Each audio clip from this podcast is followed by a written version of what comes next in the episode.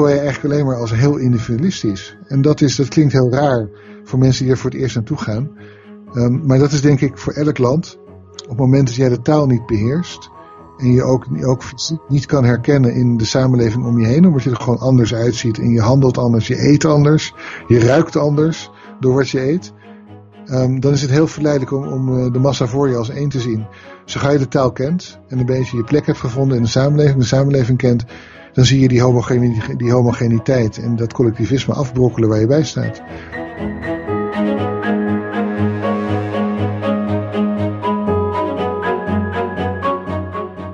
Het, het, doet me altijd een beetje denken aan, uh, het, het, discours, als dat een naam waard is, uh, over judeo-christelijke waarden in, in Europa. van van extreem rechts. Heeft weinig te maken met de historische realiteit, maar het is een heerlijke stok om mensen mee te slaan. En zo wordt uh, Confucianisme ook gebruikt en is het ook gebruikt in, uh, in Singapore, ook in Korea. En er wordt inderdaad een nadruk gelegd op homogeniteit van cultuur, van ras, van taal. En dat werkt ook, inderdaad, zolang je niet, niet verder uh, graaft en zoekt. Als je verder kijkt in taal, in cultuur, in geschiedenis, in politieke instituties en al wat iets meer zei, ja, dan zie je die, die, die veelheid aan stemmen, die veelheid in ideeën. En, dat is, en daar is Korea helemaal niet anders in.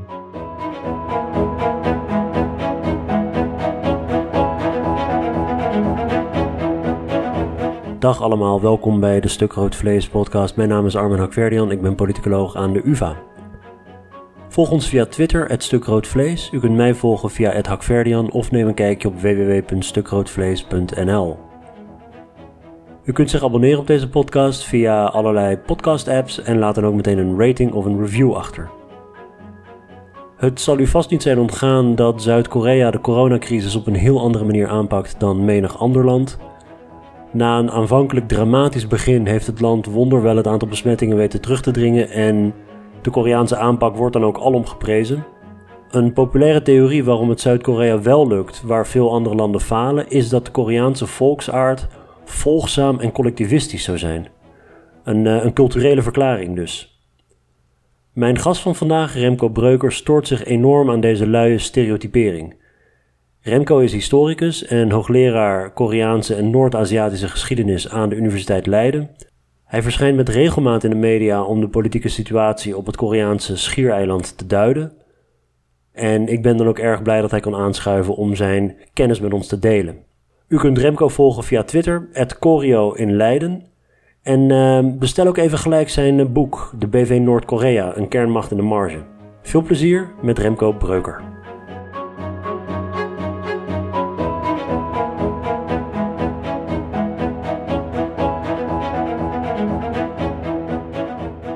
Remco, welkom bij de podcast. Dankjewel. Hartstikke fijn dat je tijd had om, uh, om met mij een gesprek op te nemen over Korea. Ja, ik ben hartstikke blij mee dat ik, uh, dat ik in een podcast zit. Een, een, mooi onderwerp ook wat mij betreft. Nee, ik, ik, eh, ik, ben, ik vind het heel leuk. Fijn, nou, ik zeg uh, trouwens net uh, Korea. jij bent hoogleraar Korea-studies. Um, ja. dit, is, dit is een hele domme vraag misschien van mij als, als leek op dit gebied. Er wordt geen onderscheid gemaakt tussen Noord- en Zuid-Korea. In Korea-studies. academisch gezien, jawel, wordt, wordt wel gemaakt. Je hebt Korea-studies, dat is waar ik oorspronkelijk vandaan kom. en dat is eigenlijk uh, Zuid-Korea en historisch Korea en een beetje Noord-Korea. En dan heb je Noord-Korea-studies en dat, dat is eigenlijk een apart veld geworden. Uh, dat wordt gedomineerd door uh, internationale relaties mensen, uh, security studies, politicologen en meer, de, meer de sociale wetenschappelijke kant van het veld. Het is niet helemaal een rationele indeling, maar goed, dat is hoe het in elkaar zit omdat uh, de politieke situatie in Noord-Korea dusdanig is dat al die andere vakgebieden zich ermee zijn gaan bemoeien. Ja, inderdaad. En, wat je ook wel ziet is dat degenen die uh, lange tijd in Korea hebben doorgebracht, een deel van een opleiding daar hebben gedaan, uh, ook, al, ook werken ze met Noord-Korea, die, die, die, die zitten eigenlijk in Korean Studies. Um, en degenen die dat niet hebben gedaan, en over het algemeen ook geen Koreaans beheer. Zo moet ik een beetje uitkijken met die generalisatie. Die zitten meer in de North Korean Studies hoek. Want de meeste mensen, ik, ik, ik zelf inbegrepen, zullen jou kennen van je analyses van Noord-Korea. Um, Jouw academische onderzoek gaat er niet per se over? Tegenwoordig wel, voor, een, voor, voor toch voor een groot deel. Eigenlijk ben ik een, een medivist. ik heb een proefschrift geschreven over de totstandkoming van een, een ja, hoe zeg je dat, een regio-overschrijdend bewustzijn. Ik wilde het woord nationaal bewustzijn niet gebruiken. In Middeleeuws Korea. wel met veel raakvlakken met het heden, maar goed, het, toch wel echt medivistisch werk. Um, in de laatste jaren, sinds 2013 denk ik, uh, ben ik me steeds meer gaan, uh, gaan toeleggen op Noord-Korea mensenrechtenproblematiek. Ook dus qua publicaties. De directe aanleiding voor dit gesprek was een, uh, een, een, draadje dat jij op Twitter schreef. En dat heb je sindsdien uitgebreid tot een stuk op Science Guide, waar ik naar zal linken in de show notes. Wat was de aanleiding voor jou om dat draadje en dat stuk te schrijven? Ja, ik, ik hou uh, de, de, situatie in Zuid-Korea goed bij, hoe daar met het uh, coronavirus wordt omgegaan. Uh, dat lijkt na, na een toch wel rampzalig begin toch, toch vrij succesvol te zijn. En dat wordt nu ook wel opgepikt buiten Zuid-Korea, maar er wordt niet echt wat mee gedaan. Het wordt toch gedaan alsof Zuid-Korea een ander soort land is waar andere mensen wonen. En alsof je de oplossing die ze daar hebben bedacht nooit in een vrije individualistische samenleving als Nederland zou kunnen toepassen. Want um, zij zijn collectivistisch en wij zijn individualistisch. En dat is iets waar ik vaker tegenaan ben gelopen, academisch, maar ook in de praktijk. Um, en daar heb ik dat draadje uh, aan gewijd. Het is altijd heel uh, interessant hoe snel mensen, wanneer er zoiets gebeurt, als het coronavirus en ook, en ook landenverschillen die je, die je overduidelijk ziet in de aanpak van zoiets. Maar ja, mensen doen het ook met, met, met verkiezingen en allerlei andere patronen. Hoe snel mensen teruggrijpen op nationale stereotypes als een soort houvast om dit te kunnen verklaren. De, de Nederlander die zo nuchter is, of uh, ons eigenaardige volkje, dat, dat, dat misschien wel, uh, ja, die, die, die zijn niet zoals die, als die gedweeën. Uh, Koreanen die maar achter hun leiders aanlopen. Nee, hier is het veel lastiger om dat te doen. Mensen die vervallen meteen tot nationale stereotypes. Ja, dat is heel vallend. Dat in tijden van crisis en stress dat, dat je daar blijkbaar heel makkelijk op teruggrijpt. Um, en dat, dat gebeurt inderdaad met, met Nederland, maar ook met, met Zuid-Korea. Um, je blijft het maar horen over die gehoorzame Aziaten, die gehoorzame Koreanen. En ja, het eerste wat ik dan denk is, ja, die drie jaar geleden wel gewoon er met z'n allen de straat op te gaan. Um, de president de gevangenis uh, in hebben weten te krijgen. Dus zo gehoorzaam is dat niet. Nou zal daar weer worden tegengeworpen, ja, maar wel met z'n allen, dus het is wel collectivistisch. ja. Daar heb ik dan even niks op te zeggen. nee, precies. Er zitten allerlei hele interessante spanningen waar we het ongetwijfeld over gaan hebben. Uh, ik zag ook vorige week bij de, op, bij de New York Times was er ook een stuk over Italië. Uh, hoe het, uh, dat, dat, dat, dat, ging ook weer, dat ging ook over stereotypering. Er stond nog net niet iets met, met pizza en mamma mia bij, maar dat ging ook over waarom het in Italië zo lastig zou zijn om um, ja, mensen in het gareel te krijgen voor die coronacrisis. En uh, heel soort van essentialistisch over wat de Italiaan of de Koreaan of de Nederlander of de Amerikaan eigenlijk zou maken. En dat, ja, de praktijk is zoveel gecompliceerder dan dat. Ja, nee, absoluut. Maar ik denk de, de onontkombare conclusie is dat de onderbuik regeert in tijden van stress. Het idee dat er in Zuid-Korea en vast in andere uh, landen in die regio iets bestaat als een collectivistische volksaard. Waar komt dat idee vandaan? Ja, er zijn, verschillende dingen, denk ik. Eén ehm, is um, het feit dat we, dat we vaak hebben gekeken naar de, de sterke leiders um, in, uh, in uh, verschillende delen van Azië. Die de macht hebben om in ieder geval aan de oppervlakte dus de samenleving naar een wil te buigen. Dus dan, dan zie je groeps, uh, groepsgedrag. Het andere is denk ik ook gewoon puur een onwetendheid. Namelijk, we kunnen vaak niet mensen van elkaar onderscheiden. Als je, dat hoor je vaak. Mensen die voor het eerst naar Korea gaan, herkennen mensen in de eerste tijd niet. Want je moet wennen aan uh, hoe, hoe, dat mensen er anders uitzien. En je moet verscheidenheid weer leren zien. In wat in eerste instantie overkomt als, uh, als homogeniteit. en dat helpt natuurlijk niet dat um, Koreanen in ieder geval ook zelf altijd de nadruk hebben gelegd op de homogeniteit van het Koreaanse ras, et cetera. waar ook trouwens geen, spaan van klopt. Maar goed, um, dat denk ik allemaal bij elkaar. Dus onze, onze eigen onwetendheid, gekoppeld aan um, samenlevingen, sommige samenlevingen, en Zuid-Korea hoort daar wel bij, die zo strak waren georganiseerd, um, dat je um, maatschappelijke organisatie eigenlijk verward met, uh, met een essentialistisch kenmerk van, uh, van, van die cultuur. Ja, precies. Want je hebt, je hebt het, politieke regime in een land is uh, vrij vergankelijk. Ik bedoel, zelfs de, we kunnen ons op dit moment niet voorstellen hoe, hoe bijvoorbeeld in, in China ooit dit regime zal veranderen. Maar het zal gebeuren. Zelfs de meest. Ja. De Sovjet-Unie is op een gegeven moment ook op allerlei manieren veranderd en, en ten onder gegaan. Allerlei. Maar volksaard is iets anders. Dat is iets wat uh, ogenschijnlijk veel stabieler is, veel lastiger te veranderen is. Ik bedoel, het feit dat er in Zuid-Korea een dictatuur is geweest, dat er een koloniale geschiedenis is geweest, heel veel landen hebben dat. Ja, nee, ik, ik, denk, ik denk dat daar toch wel uh, uh, meespeelt dat Koreanen er ook gewoon echt anders uitzien. Dat het een echt andere samenleving lijkt te zijn.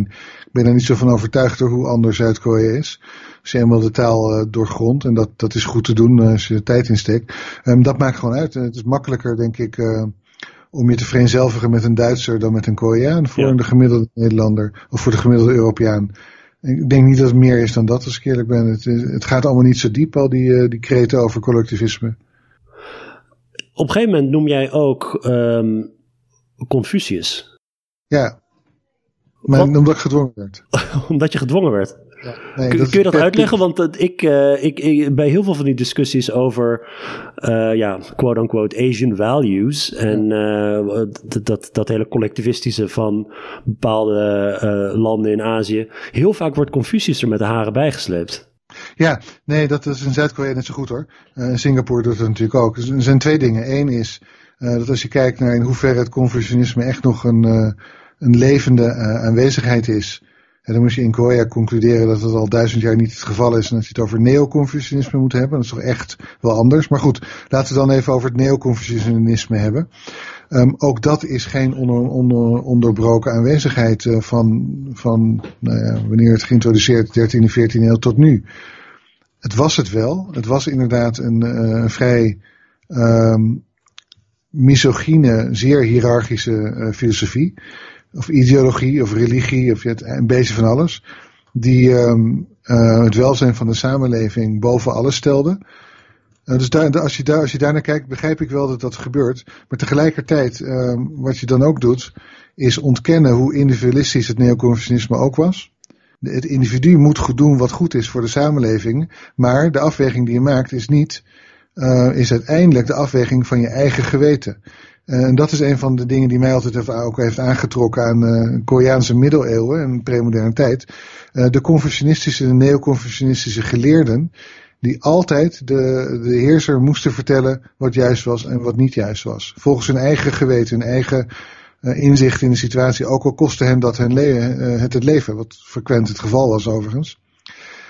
Is dat dan collectivisme? Omdat, omdat je inderdaad als waarde het ehm, wel de maatschappij voorop stelt. Uh, nou ja, daar, daar heb ik moeite mee. Dat zou, uh, um, als ik dan kijk naar wat er op Twitter nu wordt gezegd over hoe we ons achter de, de minister-president moeten scharen. Ja, dat is dan ook collectivisme. Um, en het andere is dat je de hele moderne geschiedenis van Korea gewoon ook even gemakzuchtig overslaat. Want het neoconfucianisme is als staatsideologie tot uh, eigenlijk eind 19e eeuw raakte de rol uitgespeeld. Um, en toen is Korea overgenomen, het Verenigd Korea.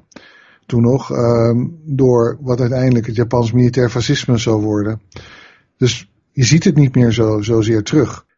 Vanuit een aantal van de, Aziatische landen zelf werd dat Confucianisme ook als een um, ja, aangegrepen eigenlijk om te zeggen: wij zijn hier anders in termen van uh, loyaliteit naar leiders toe en um, uh, nou ja, respect en harmonie ja. en allemaal dat soort dingen. Zeker, um, ja. De premier van, van Singapore, Lee Kuan Yew en een aantal van zijn, uh, van zijn collega's, die hebben in de jaren negentig dat concept zelfs volgens mij geformaliseerd.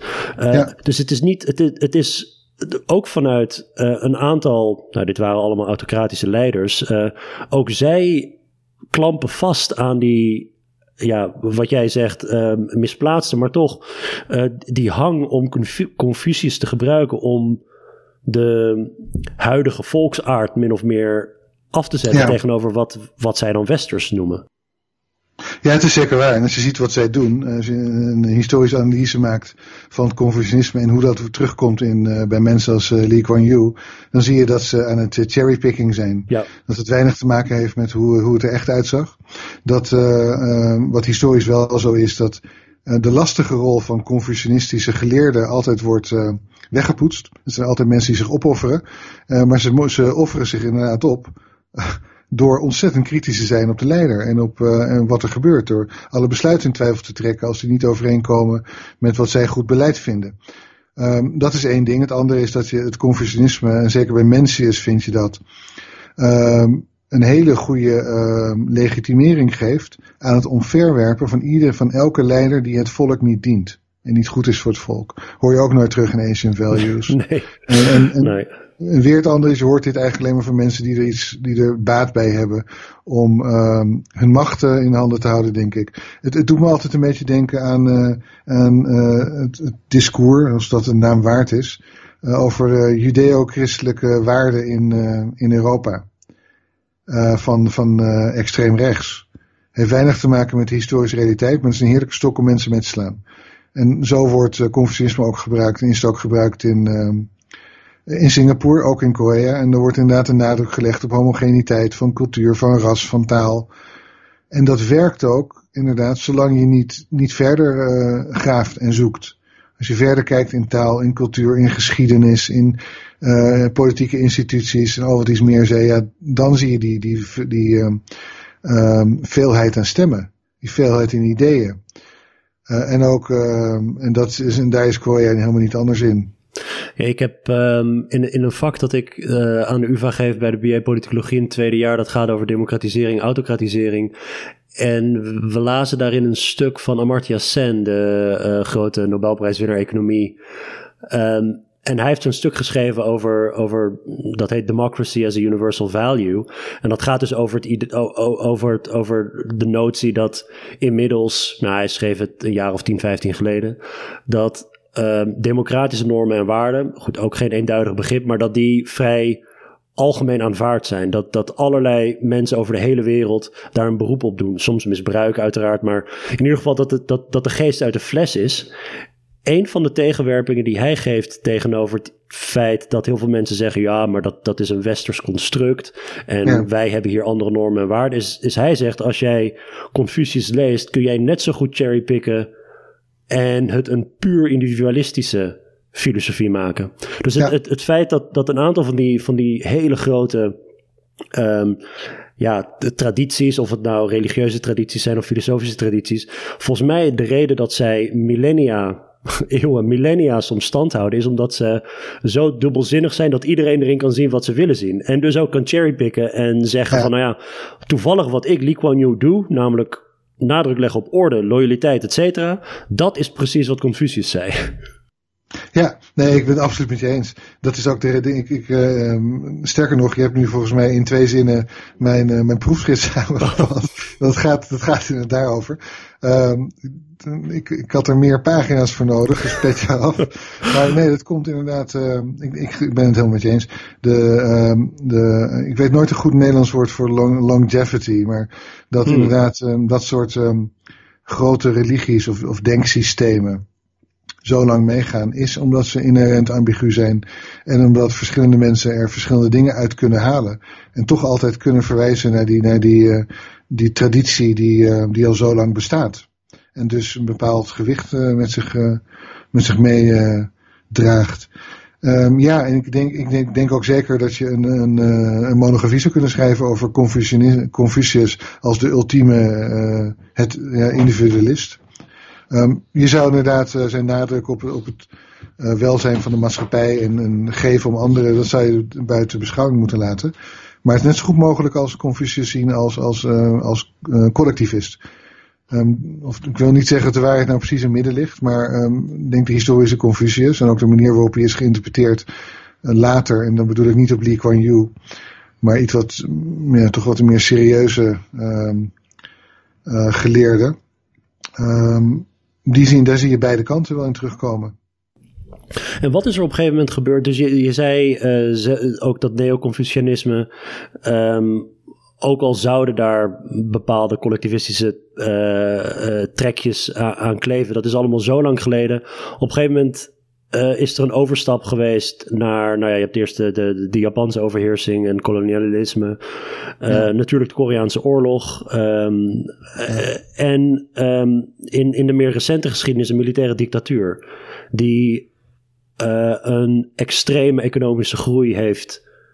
Maar ik weet niet of zij die hebben weten te bewerkstelligen. Maar in ieder geval, die, die economische groei van, van, van Zuid-Korea vond plaats onder dictatuur en niet onder democratie. Um, ja. Hoe speelt dat een rol in, in die, die mythevorming rondom dat collectivisme?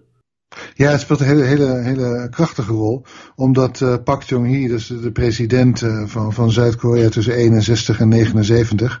En ook um, de eerste militaire dictator, vader van de huidige ex-president die in de gevangenis zit, uh, Pak Geun-hye. Ja. Um, onder hem is de economie inderdaad tot grote bloei gekomen. Dat kan je ook niet ontkennen. En dat heeft ook veel te maken met de manier waarop hij het land bestuurde. De manier waarop hij de, grote, de toen nog niet zo heel grote bedrijven als Samsung en LG en Hyundai naar zijn hand kon zetten. Um, het was voor een kapitalistisch land wellicht ironisch, maar Zuid-Korea heeft uh, tot ver in de jaren negentig altijd vijfjarenplannen voor de economie gehad. Omdat de staat zo'n grote sturende rol had. Dat heeft er wel mee te maken gehad, zeker. Ik denk die rol, die rol wordt helemaal ontkend door progressieve historici en, en door zwaar overdreven door conservatieve historici. Um, en hier denk ik niet zozeer dat de waarheid in het midden ligt, maar dat, uh, dat de meeste mensen uh, hun argumentatie bouwen op uh, onvoldoende feiten. En het belangrijkste feit dat uh, bijna nooit wordt genoemd in die enorme, en ook, het is ook echt een ongelofelijke economische groei die, die Zuid-Korea heeft, heeft doorgemaakt. Het belangrijkste feit dat nooit wordt genoemd, is het feit dat uh, Zuid-Korea door zijn uh, participatie in de Vietnamoorlog aan de kant van Amerika tien jaar lang extreem uh, gesteund is in financiële zin door Amerika. En niet alleen financieel, maar ook de, de, de tarief, uh, export, of de importtarieven in Amerika gingen omlaag voor, voor Zuid-Korea. Er werd betaald voor elke soldaat die werd gestuurd naar, aan de regering. En elke soldaat kreeg ook nog eens een keer een, voor Zuid-Koreaanse termen toen, ongelooflijk hoog salaris. Um, Zuid-Koreaanse bedrijven gingen mee met hun soldaten naar Vietnam en leerden daar in het buitenland werken, in het buitenland uh, opdrachten binnenhalen. Daar is Zuid-Korea geboren uiteindelijk. Het moderne Zuid-Korea, de moderne economie. Was die injectie er niet geweest, qua kapitaal en qua uh, ervaring, qua contacten, dan hadden we nu denk ik een heel ander Zuid-Korea gehad. Dus in die hele discussie over collectivisme mis je eigenlijk dat um, kapitalistische, individualistische ondernemerschap puur zang, dat Zuid-Korea niet te zien in Vietnam. Ja. En um, de, de, de, technologische uh, vooruitgang, ja, je ziet het nu ook in die coronacrisis, dat, ja. dat mensen zeggen dat, dat Zuid-Korea extreem geavanceerd is als het gaat om technologische innovatie en technologische middelen. Is dat ook in die tijd allemaal ontstaan? Die, uh, vanwege ook die, die, die enorme financiële impuls vanuit Amerika? Of, of, of waar, waar komt ja. dat vandaan? Dat, um... Ja, dat is wel, dat is een, uh, um, wel een, een directe gevolg, denk ik, van, van de militaire dictatuur. Um, die begon in de jaren zestig uh, economische plannen te formuleren rondom uh, opbouw van echt een lichte industrie. Dat verschoof naar een zware en een chemische industrie, de scheepsbouw en um, product, uh, de productie van, van chemische producten in de jaren 70. Um, en dat is natuurlijk doorgezet nu met, met autoproductie, al wat iets meer zei. Um, en uiteindelijk is dat weer, weer doorgeschoven. En toen was de militaire dictatuur er niet meer, maar die traditie leeft nog wel. Binnen de overheid althans. Naar een, een, een technologische schuine streep creatieve industrie. En dat zie je vanaf de jaren negentig eigenlijk. Um, en daar is dus ook weer aan de ene kant gaat dat, is dat heel collectivistisch, want Samsung en Hyundai, al die grote bedrijven, die gooien een paar, een paar honderd miljoen tegen een lap aan en dan kan je, kan je daar met z'n allen hard gaan werken aan dingen die, uh, die de bedrijven nodig hebben. Maar um, er is ook ruimte voor de, voor toch het individuele initiatief daar. Het feit dat Korea zoveel kan testen, volgens mij hebben ze nu bijna 300.000 testen afgenomen al in Zuid-Korea, die ze niet hadden. Dat is één iemand geweest die dacht, we hebben geen testen, we moeten er wat aan doen. Um, ik heb een machine nodig die me daarmee kan helpen. Um, en ik ga daar nu aan werken. En dat, dat is dus geen initiatief geweest van de overheid per se, of van de grote bedrijven, maar van een individu. Van een individu, ja. Ja, van een individu inderdaad, die in die, in die structuur uh, wel zijn eigen plek heeft, heeft uh, kunnen vinden. En dat zie je met veel van dit soort uitvindingen. Een deel komt echt uit de labs bij Samsung vandaan, of andere grote bedrijven. En een deel komt toch ook echt bij ja, de Willy Wortels van de Zuid-Koreaanse over, van de Zuid-Koreaanse samenleving. Die het gewoon beter doen in afzondering. Dus ja, wat, wat dat betreft, um, uiteindelijk, als ik dit soort dingen over Korea vertel of opschrijf, is mijn conclusie ook altijd uh, ontzettend niet spannend en heel heel gewoon. Het, zijn gewoon mensen. Het is een samenleving die heel herkenbaar is in zijn mengeling van uh, groepsgedrag en individueel gedrag. Maar er zit ook ergens iets heel denigerend en neerbuigend, ja, misschien zelfs uh, racistisch in het ontkennen van die creativiteit en uh, dat, ja. dat individualistische, dat het, dat, dat het de aanpak van bijvoorbeeld corona goed loopt, omdat het ingebakken zit in de Koreaanse aard om maar bevelen op te volgen, in plaats van dat daar heel veel creativiteit, heel veel innovatie, uh, heel veel hard werk achter zit. Ja, nee, heb je helemaal gelijk. En ik, ik ben blij dat jij het R-woord als eerste hebt genoemd, maar ik herhaal het graag. Nee, ik denk dat het, dat het inderdaad een, een racistische ondertoon heeft. Het heeft 20 minuten geduurd, uh, hè? ik heb hem ingehouden. ik, ook.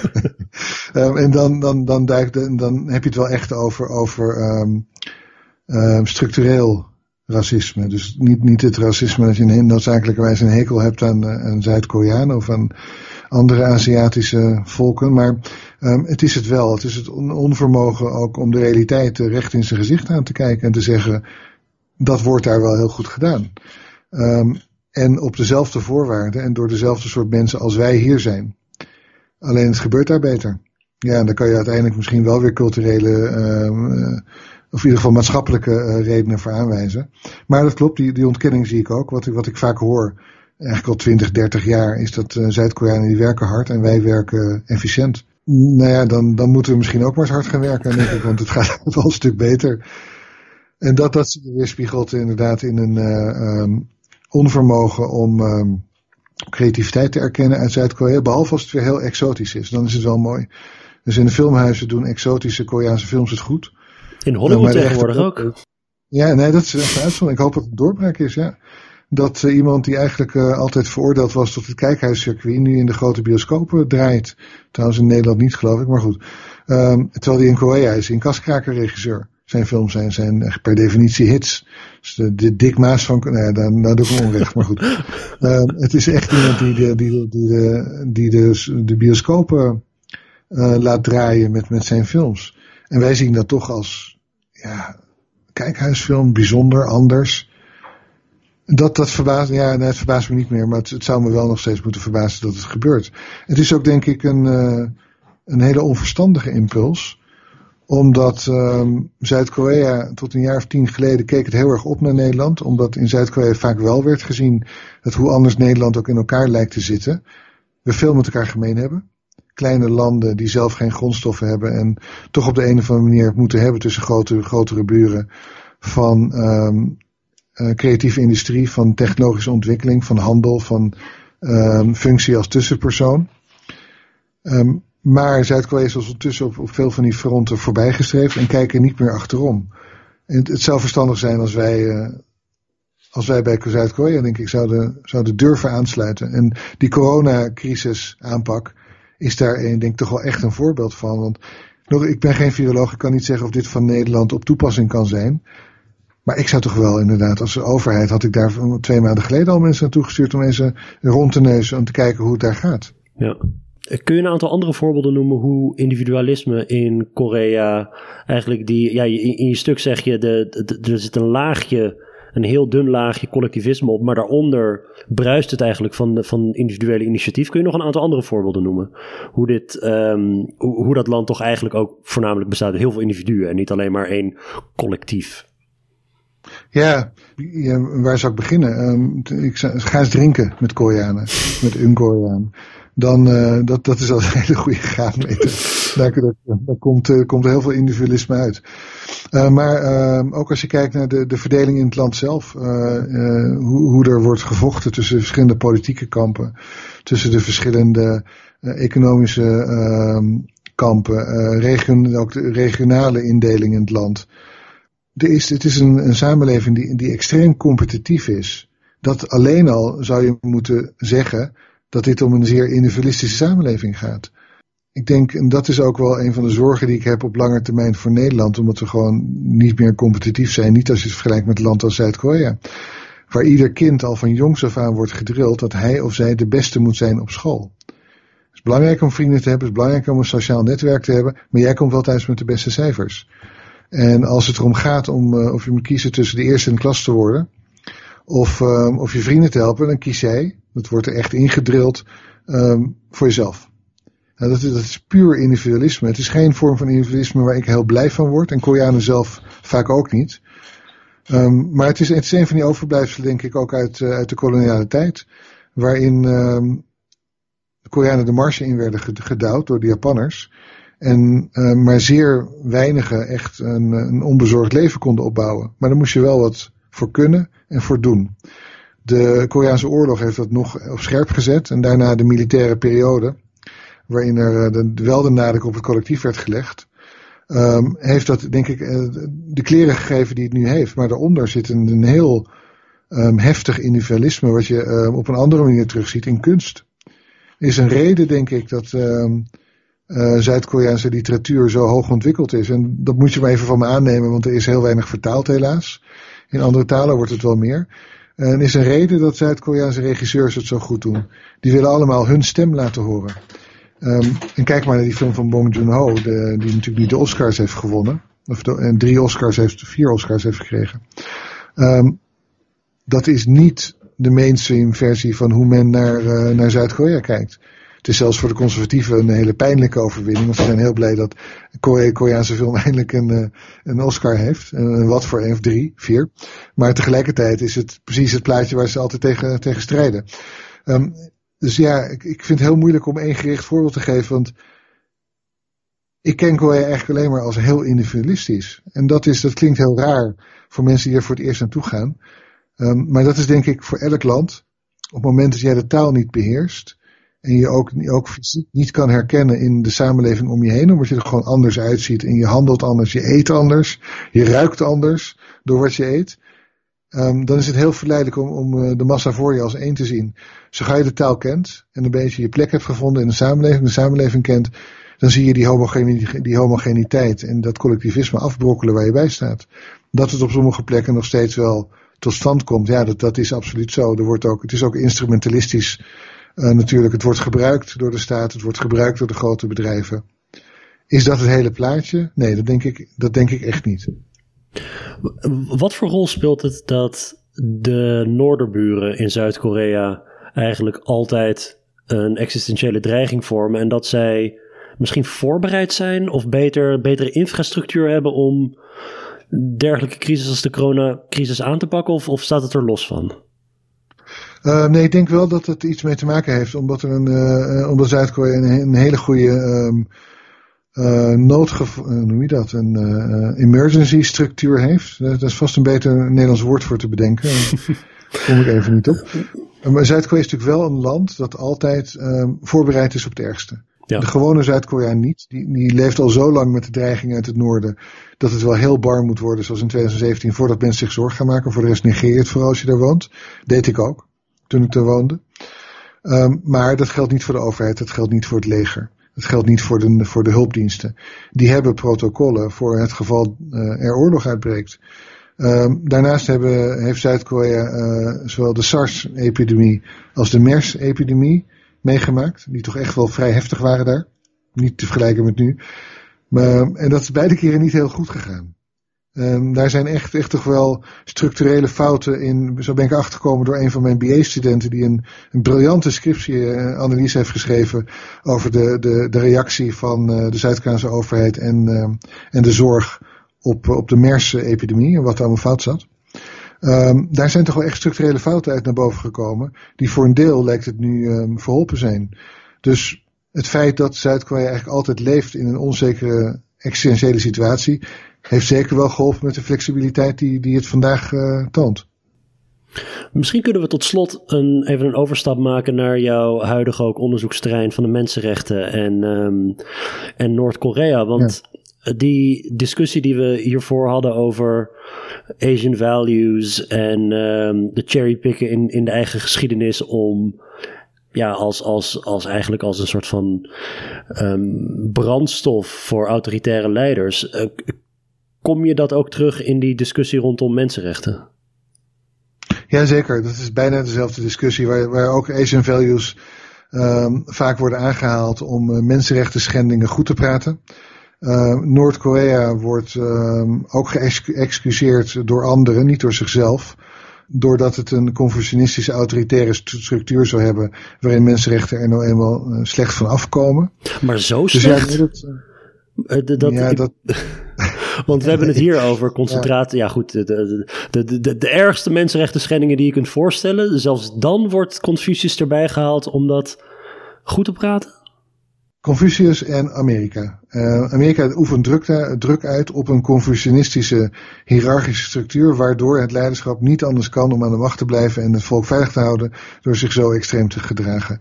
Um, ik heb grote moeite met, met deze redenering. Um, in die mate dat ik gewoon bijna fysiek gewelddadig zou willen worden als ik hem hoor, maar goed. Um, maar je hoort hem wel, ja. Um, dus die, die discussie over Asian values, uh, die, die vind je ook terug in mensenrechten. En maar het, interessante daaraan is, en ik denk dat met democratisering als je ook wel veel parallellen ziet. Um, ik heb geen enkele moeite om te erkennen dat de, de huidige um, conceptualisatie van uh, mensenrechten en de, het vastleggen daarvan in het handvest van de Verenigde Naties uh, de, de, de, de verklaring van de universele verklaring van de rechten van de mens, dat dat inderdaad eurocentrisch is. Absoluut waar. Dat komt voort uit een specifieke ontwikkeling um, die voornamelijk um, um, in Europa heeft plaatsgevonden. Dat gezegd hebbende, hoor je mij niet tegelijkertijd zeggen dat soortgelijke ontwikkelingen zich ook niet in Oost-Azië hebben afgespeeld. En dan kijk je, als je weer kijkt naar, naar Confucianisme, neoconfucianisme, maar ook boeddhisme en ook de wat meer seculiere uh, filosofen in Oost-Azië, um, uh, dan zie je eigenlijk uh, van het begin al een, een, sterke, um, een sterke eerbied. En dan moet je in de Oost-Aziatische context altijd even voor oppassen. Dat woord wordt heel erg exotisch, exotiserend gebruikt. Maar goed, eerbied en respect voor het individu. En niet noodzakelijk een ouder of een mannelijk individu, het individu aan zich. Um, dus ik vind het, zou het niet heel moeilijk vinden om op basis daarvan een, uh, een, een mensenrechten uh, concept te ontwikkelen dat niet hoeft te leunen op wat er in Europa is gebeurd. Idealiter ontwikkel je iets met z'n allen dat op allerlei tradities steunt en leunt uit, uit allerlei plekken en uh, momenten in, uh, in de wereld.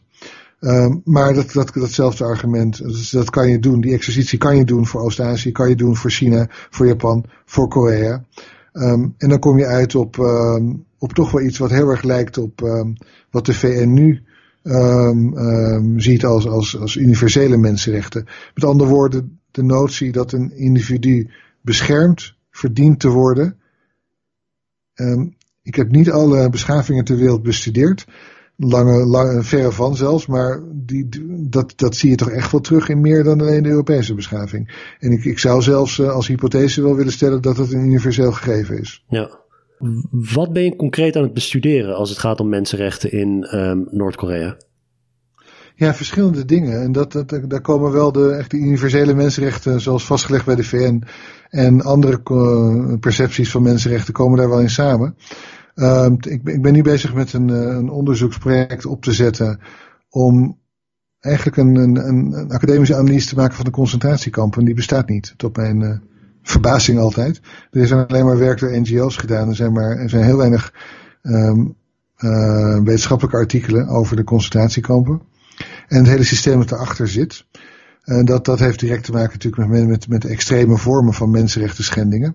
Um, en dat zou ik graag aan de hand willen doen door grote groepen Noord-Koreanen of gevluchte Noord-Koreanen te interviewen.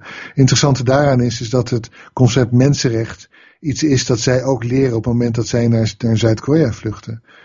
Dat geeft wel ruimte om ook, om ook te kijken hoe universeel die mensenrechten nou zijn.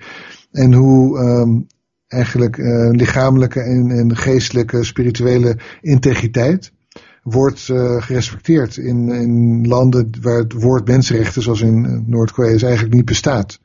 Dat is één ding. Het andere is dat ik, uh, we doen ook uh, onderzoek naar outsourcing naar Noord-Korea, voornamelijk vanuit China. Um, van, van bijvoorbeeld textielproductie. Um, Omdat het toch wel nu aangetoond is, het onderzoek hebben we zelf voor een deel ook gedaan, dat werk in Noord-Korea bijna altijd op dwangarbeid neerkomt, volgens onze definities althans. En dan krijg je hele interessante eigenlijk ehm, conflicten tussen um, Noord-Koreaanse definities van wat je met mensen mag doen. Um, onze definities of onze ideeën, en dan bedoel ik even met ons bedoel even westers, en VN, uh, eh, VN-centrische noties van mensenrechten. Um, en uh, wat bedrijven denken zich te kunnen permitteren. Ook, ook Europese, soms zelfs ook Nederlandse bedrijven. En dat, dat uh, problematiseert die notie van mensenrechten extreem. Um, dan blijkt dus dat ook in, um, in Nederland, toch wel een van een land is dat zich altijd op de borst slaat als het gaat om mensenrechten bescherming dat economische prioriteiten, mensenrechten, nalevingen of mensenrechten schendingen kunnen goed praten in andere landen.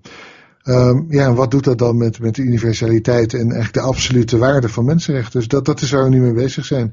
Of ik, ik betwijfel of ik allemaal antwoorden op die vraag ga vinden, maar we proberen ze in ieder geval te stellen.